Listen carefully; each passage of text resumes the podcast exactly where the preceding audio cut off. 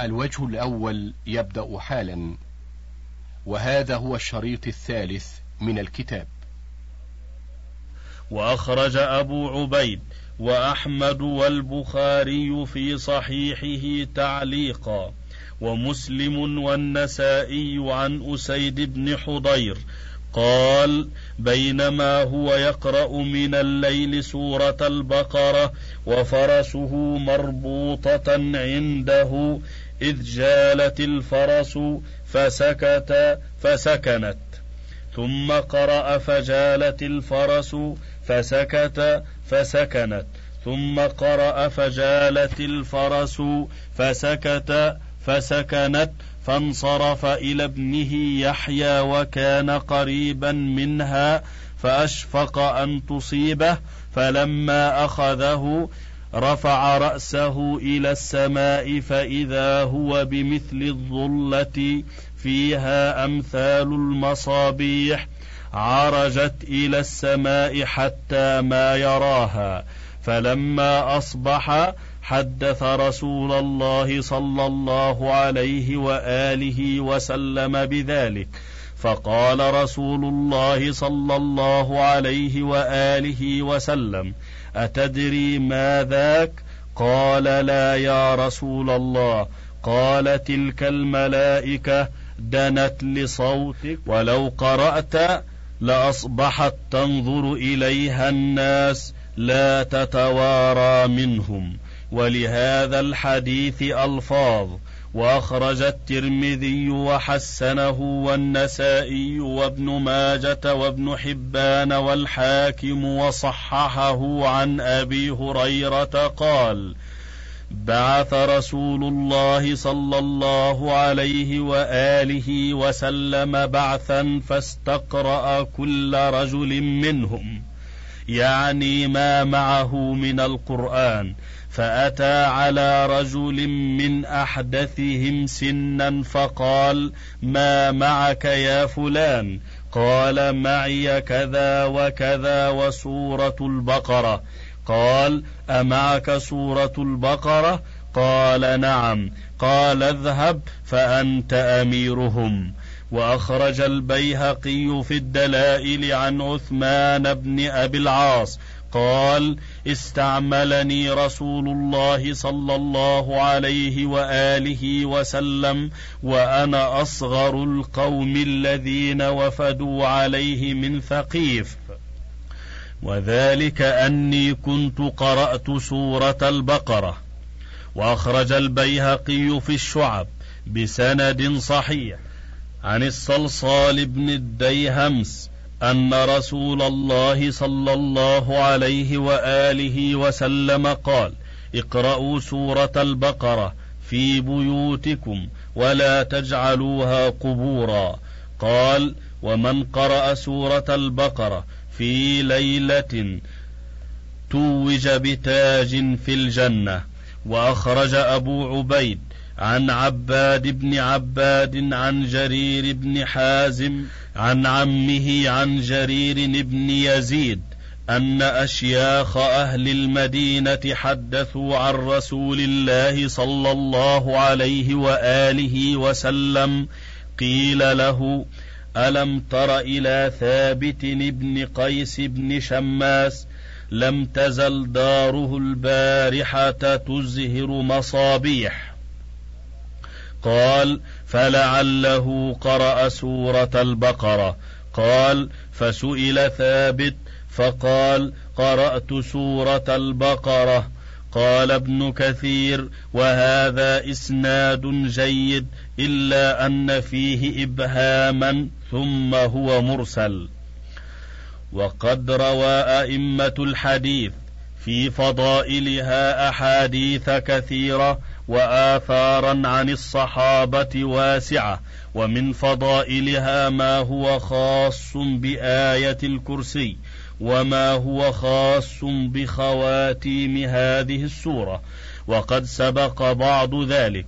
وما هو في فضلها وفضل آل عمران. وقد سبق أيضا بعض من ذلك. وما هو في فضل السبع الطوال. كما أخرج أبو عبيد عن وائلة ابن الأسقع عن النبي صلى الله عليه وآله وسلم قال أعطيت السبع مكان التوراة وأعطيت المئين مكان الإنجيل وأعطيت المثاني مكان الزبور وفضلت بالمفصل. وفي إسناده سعيد بن بشير وفيه لين. وقد رواه بسند آخر عن سعيد بن أبي هلال. وأخرج أيضا عن عائشة عن النبي صلى الله عليه وآله وسلم قال من أخذ السبع فهو خير وقد رواه عنها أحمد في المسند باللفظ أن رسول الله صلى الله عليه وآله وسلم قال من أخذ السبع الأول من القرآن فهو خير وأخرج أبو عبيد عن سعيد بن جبير في قوله تعالى ولقد آتيناك سبعا من المثاني قال هي السبع الطوال البقرة وآل عمران والنساء والمائدة والأنعام والأعراف ويونس وبذلك قال مجاهد ومكحول وعطية بن قيس وأبو محمد القاري شداد بن عبد الله ويحيى بن الحارث الذماري وقد ورد ما يدل على كراهة أن يقول القائل سورة البقرة ولا سورة آل عمران ولا سورة النساء وكذا القرآن كله. فأخرج ابن الدريس والطبراني في الأوسط وابن مردوي والبيهقي في الشعب بسند ضعيف عن أنس قال قال رسول الله صلى الله عليه وآله وسلم لا تقولوا سورة البقرة ولا سورة آل عمران ولا سورة النساء وكذا القرآن كله ولكن قولوا السورة التي تذكر فيها البقرة والسورة التي يذكر فيها آل عمران وكذا القرآن كله. قال ابن كثير هذا حديث غريب لا يصح رفعه. وفي إسناده يحيى بن ميمون الخواص وهو ضعيف الرواية لا يحتج به. وأخرج البيهقي في الشعب بسند صحيح عن ابن عمر قال لا تقولوا سورة البقرة ولكن قولوا السورة التي تذكر فيها البقرة. وقد روي عن جماعة من الصحابة خلاف هذا فثبت في الصحيحين عن ابن مسعود أنه رمى الجمرة من بطن الوادي فجعل البيت عن يساره ومنا عن يمينه ثم قال هذا مقام الذي أنزلت عليه سورة البقرة. وأخرج ابن أبي شيبة وأحمد ومسلم وأهل السنن والحاكم وصححه عن حذيفة قال صليت مع رسول الله صلى الله عليه وآله وسلم ليلة من رمضان فافتتح البقرة فقلت يصلى بها في ركعة ثم افتتح النساء فقرأها ثم افتتح آل عمران فقرأها مترسلا.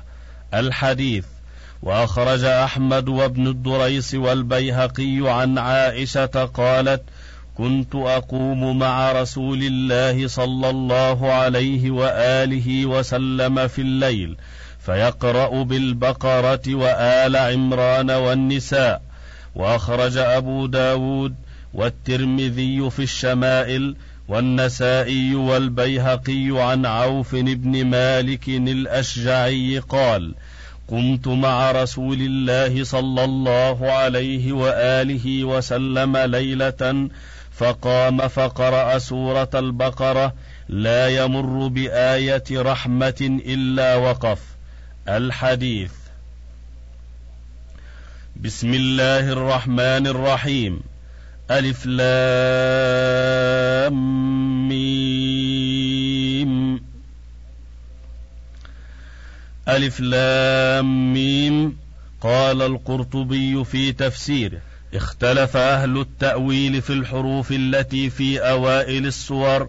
فقال الشعبي وسفيان الثوري وجماعة من المحدثين هي سر الله في القرآن ولله في كل كتاب من كتبه سر فهي من المتشابه الذي انفرد الله بعلمه ولا نحب أن نتكلم فيها ولكن نؤمن بها وتمد كما جاءت. وروي هذا القول عن أبي بكر الصديق وعلي بن أبي طالب قال وذكر أبو الليث السمرقندي عن عمر وعثمان وابن مسعود أنهم قالوا الحروف المقطعة من المكتوم الذي لا يفسر. وقال أبو حاتم لم نجد الحروف في القرآن إلا في أوائل السور ولا ندري ما أراد الله عز وجل. قال وقال جمع من العلماء كثير بل نحب أن نتكلم فيها ونلتمس الفوائد التي تحتها والمعاني التي تتخرج عليها واختلفوا في ذلك على أقوال عديدة. فروي عن ابن عباس وعلي أيضا أن الحروف المقطعة في القرآن اسم الله الأعظم إلا أنا لا نعرف تأليفه منها. وقال قطرب والفراء وغيرهما هي إشارة إلى حروف الهجاء. أعلم الله بها العرب حين تحداهم بالقرآن أنه مؤتلف من حروف هي التي بناء كلامهم عليها ليكون عجزهم عنه أبلغ في الحجة عليهم. إذ لم يخرج عن كلامهم. قال قطرب كان ينفرون عند استماع القرآن فلما نزل ألف لام ميم وألف لام ميم صاد استنكروا هذا اللفظ فلما أنصتوا له صلى الله عليه وآله وسلم أقبل عليهم بالقرآن المؤتلف ليثبته في أسماعهم وآذانهم ويقيم الحجة عليهم. وقال قوم روي أن المشركين لما أعرضوا عن القرآن بمكة وقالوا لا تسمعوا لهذا القرآن والغوا فيه فأنزلها استغربوها فيفتحوا أسماعهم فيسمعون القرآن بعدها فتجب عليهم الحجة. وقال جماعة هي حروف دالة على أسماء أخذت منها وحذفت بقيتها كقول ابن عباس وغيره الألف من الله واللام من جبريل والميم من محمد. وذهب إلى هذا الزجاج فقال أذهب إلى أن كل حرف منها يؤدى عن معنى. وقد تكلمت العرب بالحروف المقطعة كقوله فقلت لها قفي فقالت قاف أي وقفت. وفي الحديث من أعان على قتل مسلم بشطر كلمة. قال شقيق هو أن يقول فقتل ألف قاف كما قال صلى الله عليه وآله وسلم كفى بالسيف شاء أي شافيا وفي نسخة شاهدا.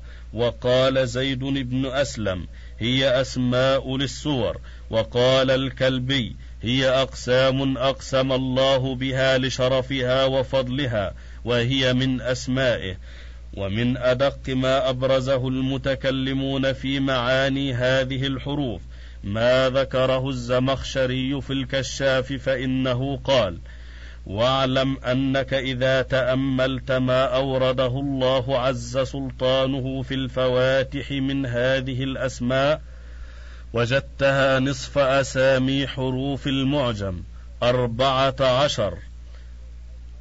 سواء وهي الألف واللام والميم والصاد والراء والكاف والهاء والياء والعين والطاء والسين والحاء والقاف والنون في تسع وعشرين سورة على عدد حروف المعجم. ثم إذا نظرت في هذه الأربعة عشر وجدتها مشتملة على أنصاف أجناس الحروف. بيان ذلك أن فيها من المهموسة نصفها الصاد والكاف والهاء والسين والحاء ومن المجهورة نصفها الألف واللام والميم والراء والعين والطاء والقاف والياء والنون ومن الشديدة نصفها الألف والكاف والطاء والقاف ومن الرخوة نصفها اللام والميم والراء والصاد والهاء والعين والسين والحاء والياء والنون ومن المطبقة نصفها الصاد والطاء ومن المنفتحة نصفها الألف واللام والميم والراء والكاف والهاء والعين والسين والحاء والقاف والياء والنون ومن المستعلية نصفها القاف والصاد والطاء ومن المنخفضة نصفها الألف واللام والميم والراء والكاف والهاء والتاء والعين والسين والحاء والنون ومن حروف القلقلة نصفها. القاف والطاء. ثم إذا استقريت الكلم وتراكيبها رأيت الحروف التي ألغى الله ذكرها من هذه الأجناس المعدودة مكنوزة بالمذكورة منها.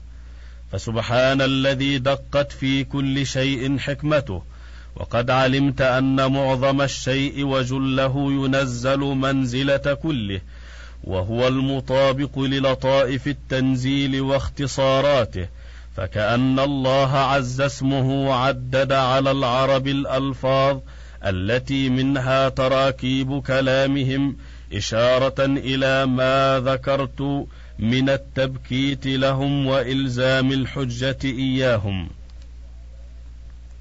وما يدل على أنه تعتمد بالذكر من حروف المعجم أكثرها وقوعا في تراكيب الكلم. أن الألف واللام لما تكاثر وقوعهما فيها جاءتا في معظم هذه الفواتح مكررتين وهي فواتح سورة البقرة وآل عمران والروم والعنكبوت ولقمان والسجدة والأعراف والرعد ويونس وإبراهيم وهود ويوسف والحجر. انتهى. وأقول هذا التدقيق لا يأتي بفائدة يعتد بها وبيانه أنه إذا كان المراد منه إلزام الحجة والتبكيت كما قال فهذا متيسر بأن يقال لهم هذا القرآن هو من الحروف التي تتكلمون بها ليس هو من حروف مغايرة لها فيكون هذا تبكيتا وإلزاما. يفهمه كل سامع منهم من دون إلغاز وتعمية وتفريق لهذه الحروف في فواتح تسع وعشرين سورة فإن هذا مع ما فيه من التطويل الذي لا يستوفيه سامعه إلا بسماع جميع هذه الفواتح هو أيضا مما لا يفهمه أحد من السامعين ولا يتعقل شيئا منه فضلا عن أن يكون تبكيتا له والزاما للحجة ايا كان فإن ذلك هو أمر وراء الفهم مترتب عليه ولم يفهم السامع هذا ولا ذكر أهل العلم عن فرد من أفراد الجاهلية الذين وقع التحدي لهم بالقرآن أنه بلغ فهمه إلى بعض هذا فضلا عن كله ثم كون هذه الحروف مشتملة على النصف من جميع الحروف التي تركبت لغة العرب منها وذلك النصف مشتمل على أنصاف تلك الأنواع من الحروف المتصفة بتلك الأوصاف هو أمر لا يتعلق به فائدة لجاهلي ولا إسلامي ولا مقر ولا منكر ولا مسلم ولا معارض. ولا يصح أن يكون مقصدا من مقاصد الرب سبحانه الذي أنزل كتابه للإرشاد إلى شرائعه والهداية به. وهب أن هذه صناعة عجيبة ونكتة غريبة فليس ذلك مما يتصف بفصاحة ولا بلاغة حتى يكون مفيدا أنه كلام بليغ أو فصيح. وذلك لأن هذه الحروف الواقعة في الفواتح ليست من جنس كلام العرب حتى يتصف بهذين الوصفين وغاية ما هناك أنها من جنس حروف كلامهم ولا مدخل لذلك فيما ذكر. وأيضا لو فرض أنها كلمات متركبة بتقدير شيء قبلها أو بعدها لم يصح وصفها بذلك لأنها تعمية غير مفهومة للسامع إلا بأن يأتي من يريد بيانها بمثل ما يأتي به من أراد بيان الألغاز والتعمية.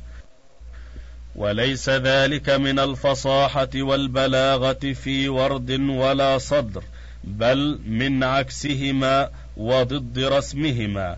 وإذا عرفت هذا فاعلم أن من تكلم في بيان معاني هذه الحروف جازما بأن ذلك هو ما أراده الله عز وجل فقد غلط أقبح الغلط وركب في فهمه ودعواه أعظم الشطط.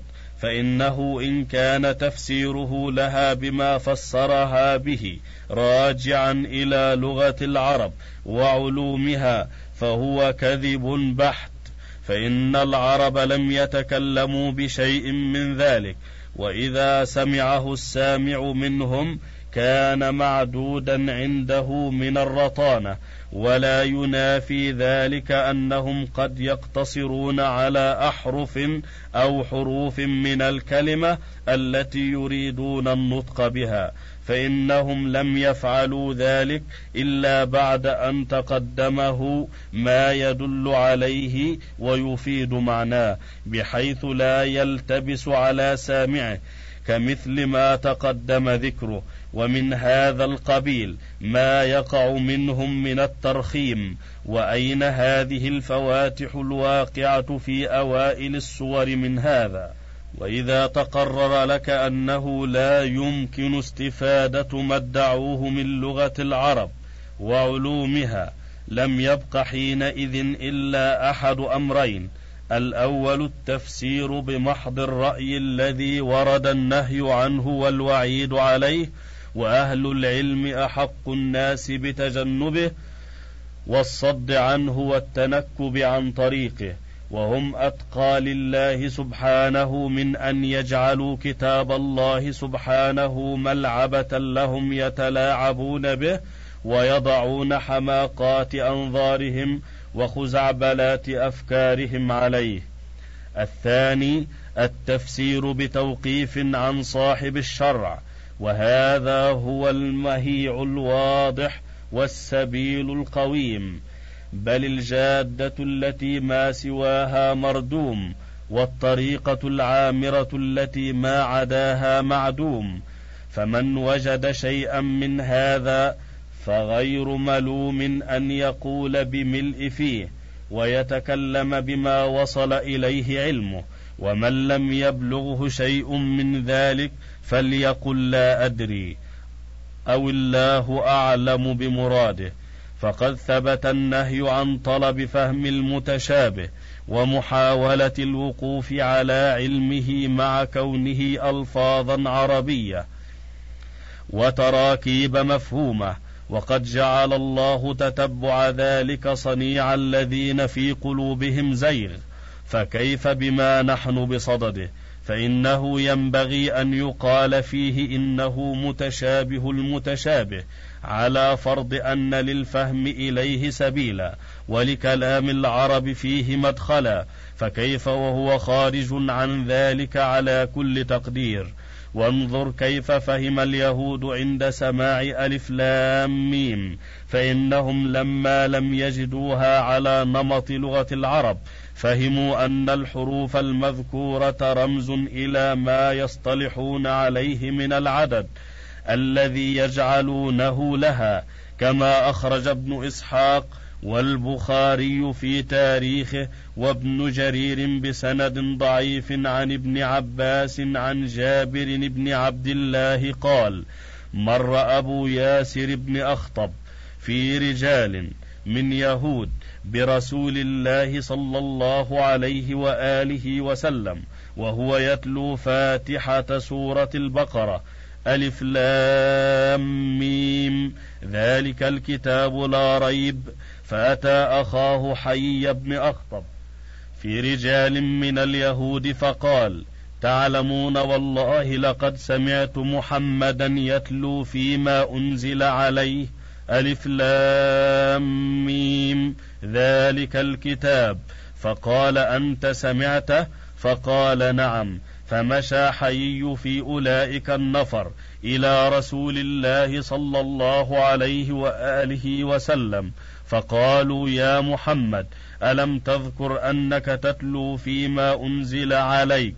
ألف لام ميم. ذلك الكتاب؟ قال بلى. قالوا أجاءك بهذا جبريل من عند الله؟ قال نعم. قالوا لقد بعث الله قبلك الأنبياء ما نعلمه بين لنبي منهم ما مدة ملكه.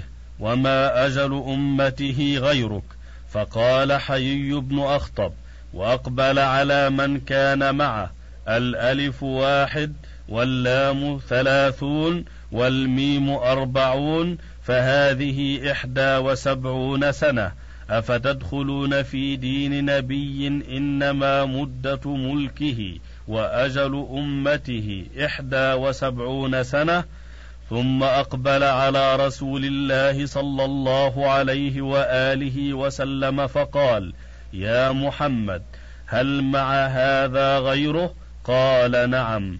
قال وما ذاك؟ قال ألف لام ميم صاد.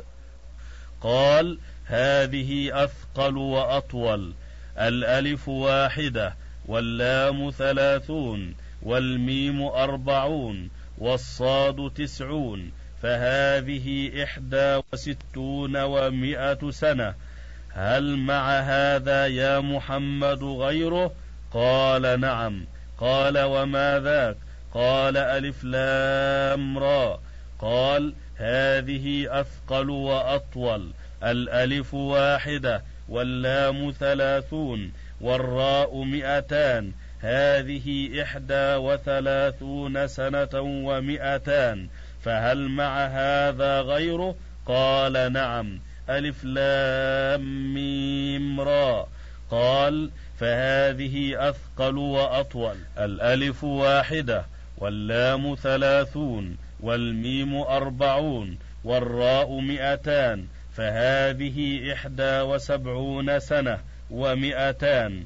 ثم قال لقد لبس علينا أمرك يا محمد حتى ما ندري قليلا أعطيت أم كثيرا. ثم قاموا. فقال أبو ياسر لأخيه حيي ومن معه من الأحبار ما يدريكم لعله قد جمع هذا لمحمد كله.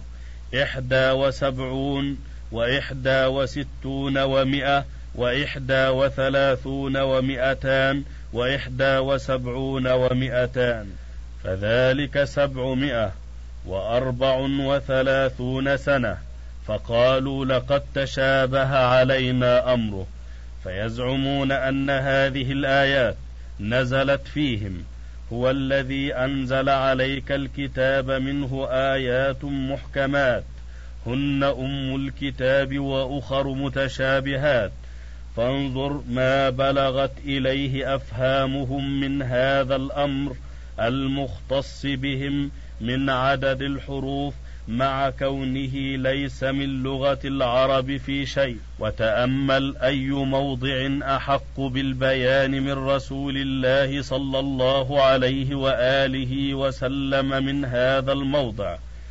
إن هؤلاء الملاعين قد جعلوا ما فهموه عند سماع ألف لام ميم. ذلك الكتاب من ذلك العدد موجبا للتثبيط عن الإجابة له والدخول في شريعته. فلو كان لذلك معنى يعقل ومدلول يفهم لدفع رسول الله صلى الله عليه وآله وسلم ما ظنوه بادئ بدء حتى لا يتأثر عنه ما جاءوا به من التشكيك على من معهم. انتهى الوجه الأول.